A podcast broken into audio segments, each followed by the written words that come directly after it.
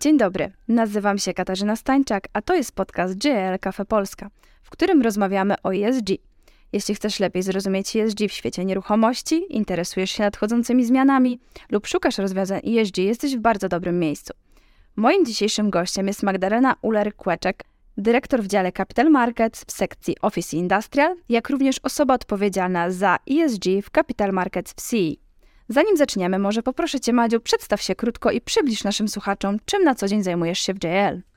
Witam wszystkich naszych słuchaczy. Jestem częścią zespołu Capital Markets od prawie 6 lat. W uproszczeniu zajmujemy się wsparciem naszych klientów w procesach sprzedaży i kupna nieruchomości komercyjnych w różnych sektorach. Moje doświadczenie dotyczy rynku magazynowego i biurowego.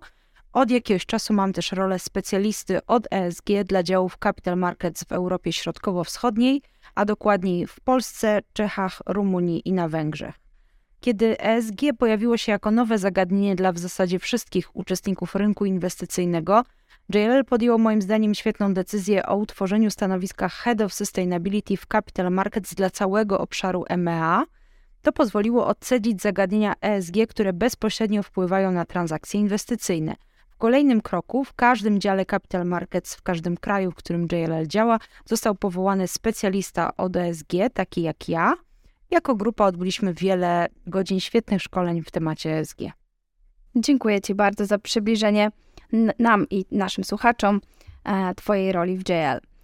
Nie sposób jest nie odnieść się do naszego kolegi i poprzedniego podcastu Jakuba Frejlicha, który dał nam ogólny zarys zmian, które już nastąpiły i które również nastąpią i nas czekają.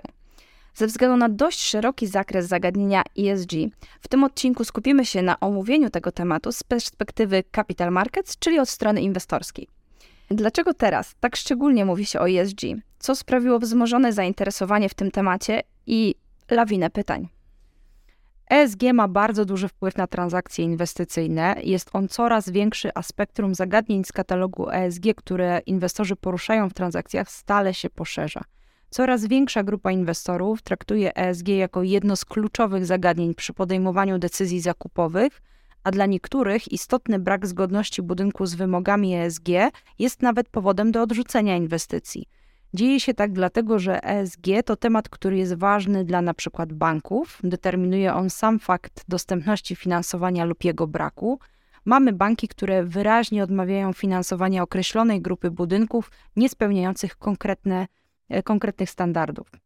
Źródła kapitału, którymi posługują się sami inwestorzy, również stawiają ESG bardzo wysoko na liście swoich kryteriów inwestycyjnych i chcą lokować kapitał, na przykład tylko w tak zwane zielone inwestycje – albo określają procent wszystkich inwestycji, które mogą zostać dokonane w aktywa niezielone.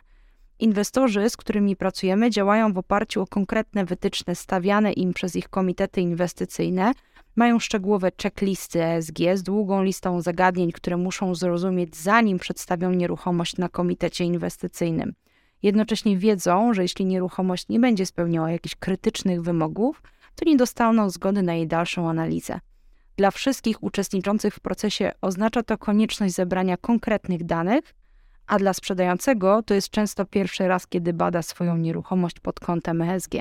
Skupiając się na tej typowej sekcji inwestorskiej nieruchomości, to jaki wpływ ma ESG na ich wartość?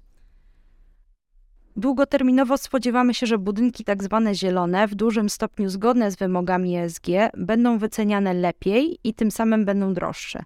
Dziś przede wszystkim widać wpływ ESG na płynność budynków. Jest spora grupa inwestorów, która nie zaakceptuje pewnych braków budynku i po prostu zrezygnuje z potencjalnego zakupu nawet na bardzo wczesnym etapie. Trzeba oczywiście pamiętać, że od jakiegoś czasu na rynek inwestycyjny wpływ mają duże zmiany czynników makroekonomicznych, jak przede wszystkim kosztów finansowania czy inflacji. Sądzę, że kiedy one się ustabilizują, wpływ ESG będzie jeszcze bardziej widoczny.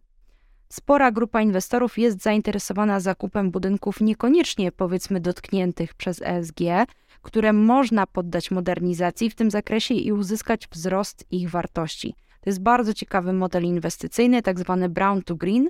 Mam nadzieję, że niedługo takie inwestycje będą najbardziej premiowane przez chociażby podmioty finansujące. Budowa nowego budynku, nieważne jak bardzo efektywna, zawsze będzie gorsza dla środowiska niż przebudowa istniejącej tkanki. Z poprzedniego pytania rodzi się kolejne pytanie.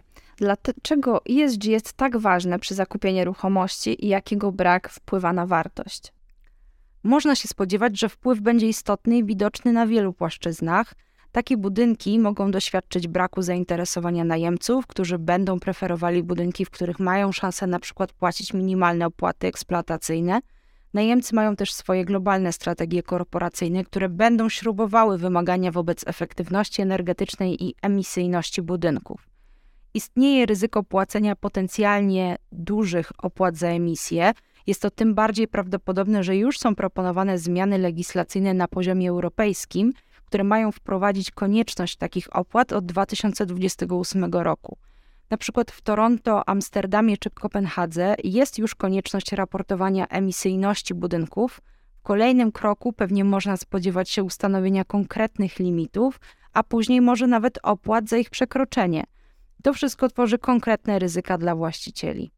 Oczywiście istnieje ryzyko braku płynności budynku, nikt go po prostu nie kupi i w długim horyzoncie trwała utrata wartości. Zatem, co robią inwestorzy? Jak się przygotowują? Czy zauważalny jest wzrost zainteresowania w tym temacie oraz zgłaszane są ich potrzeby w tematyce ESG? Pora wyjaśnić, co ma znaczenie dla kupujących. Wymienię kilka konkretnych przykładów. Dla inwestorów ważne jest zrozumienie wytycznych dla poszczególnych grup nieruchomości i konkretnych krajów.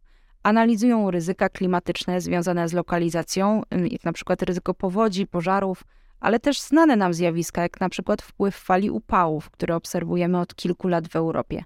Analizują stopień emisyjności dwutlenku węgla przez budynek, interesuje ich długoterminowa analiza zgodności z wymogami dotyczącymi emisji, chcą zidentyfikować tak zwany stranding year, to jest określenie z żargonu ESG, czyli moment, w którym budynek emituje za dużo i zaczynają być potrzebne konkretne inwestycje w poprawę jego parametrów. Bezpośrednio z tym wiąże się konieczność dokładnego zrozumienia, co trzeba będzie zmienić, kiedy i ile to będzie kosztowało. Trzeba te dane odpowiednio uwzględnić w modelach inwestycyjnych.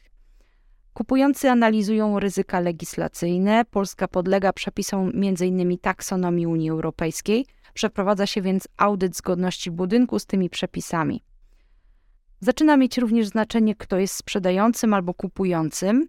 Odpowiedzialne spółki chcą współpracować z innymi odpowiedzialnymi, którzy mają odpowiednie strategie sustainability. Analizowana jest też struktura najmu i to, jak najemcy działają w budynku, czy efektywnie korzystają z energii elektrycznej, e, wody i innych mediów. Mieliśmy przykłady w Europie, kiedy sama zmiana najemcy powodowała, że budynek uzyskiwał zgodność z wymogami na dłuższy okres. Znaczenie ma konstrukcja umów najmu, premiowane są tak zwane zielone umowy, w ramach których na przykład najemcy są proszeni o raportowanie zużycia mediów. W Polsce takie zapisy mają charakter raczej nieobligatoryjny, ale w innych krajach bywa to już obowiązkowe. Właściciele rozumieją, że muszą mieć wiedzę na temat wpływu najemców na emisyjność całej nieruchomości lub portfela. Inne ważne aspekty, które są analizowane, na przykład to, czy budynek jest certyfikowany, Tutaj dodam, że najczęściej sam fakt posiadania zielonego certyfikatu, nawet z bardzo wysokim gradem, nie pokrywa wszystkich zagadnień ESG, jak na przykład często nie jest badana efektywność energetyczna. Jakie jest źródło energii i ogrzewania budynku? W przypadku magazynów coraz większe znaczenie ma możliwość zainstalowania paneli fotowoltaicznych na dachu. Brak takiej możliwości jest dziś dla wielu kupujących powodem odrzucania inwestycji. Jeszcze może dodam, że ważne jest też to, czy budynek jest dostępny dla ludzi z niepełnosprawnościami, czy też jak wygląda szeroko rozumiany well-being pracowników w budynku. Czy w takim układzie inwestorzy chętniej wybierają nieruchomości zgodne z ESG? Tak, jak najbardziej. Myślę, że y, możemy to, co, o czym rozmawiałyśmy, podsumować takim jednym y, zdaniem, że posiadanie nieruchomości w dużym stopniu zgodnej z ESG otwiera drzwi do największej grupy inwestorów, a ci, którzy posiłkują się długiem, mogą jednocześnie liczyć na lepsze warunki finansowania od najszerszej grupy banków. Wracając do początku naszego spotkania, chciałabym Ci zadać jeszcze jedno pytanie. Jak w tym wszystkim działa JL? Jak pomaga swoim klientom? Mamy przede wszystkim dużą wiedzę na temat oczekiwań kupujących, zbieraną ze spotkań z inwestorami, Potrafimy więc bardzo dobrze przygotować nieruchomość do transakcji, tak aby zapewnić płynność procesu i uchronić sprzedającego przed otrzymaniem warunkowej oferty.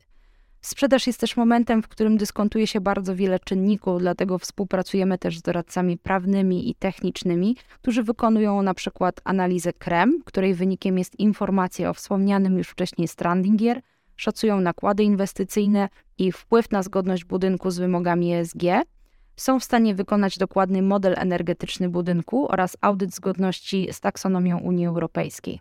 Wszystkie te usługi JLL również wykonuje ale zakładam, że o tym szerzej w kolejnych odcinkach. Magda, bardzo dziękuję Ci się za spotkanie, dziękujemy Państwu i do usłyszenia w następnych odcinkach. Dziękuję bardzo za rozmowę.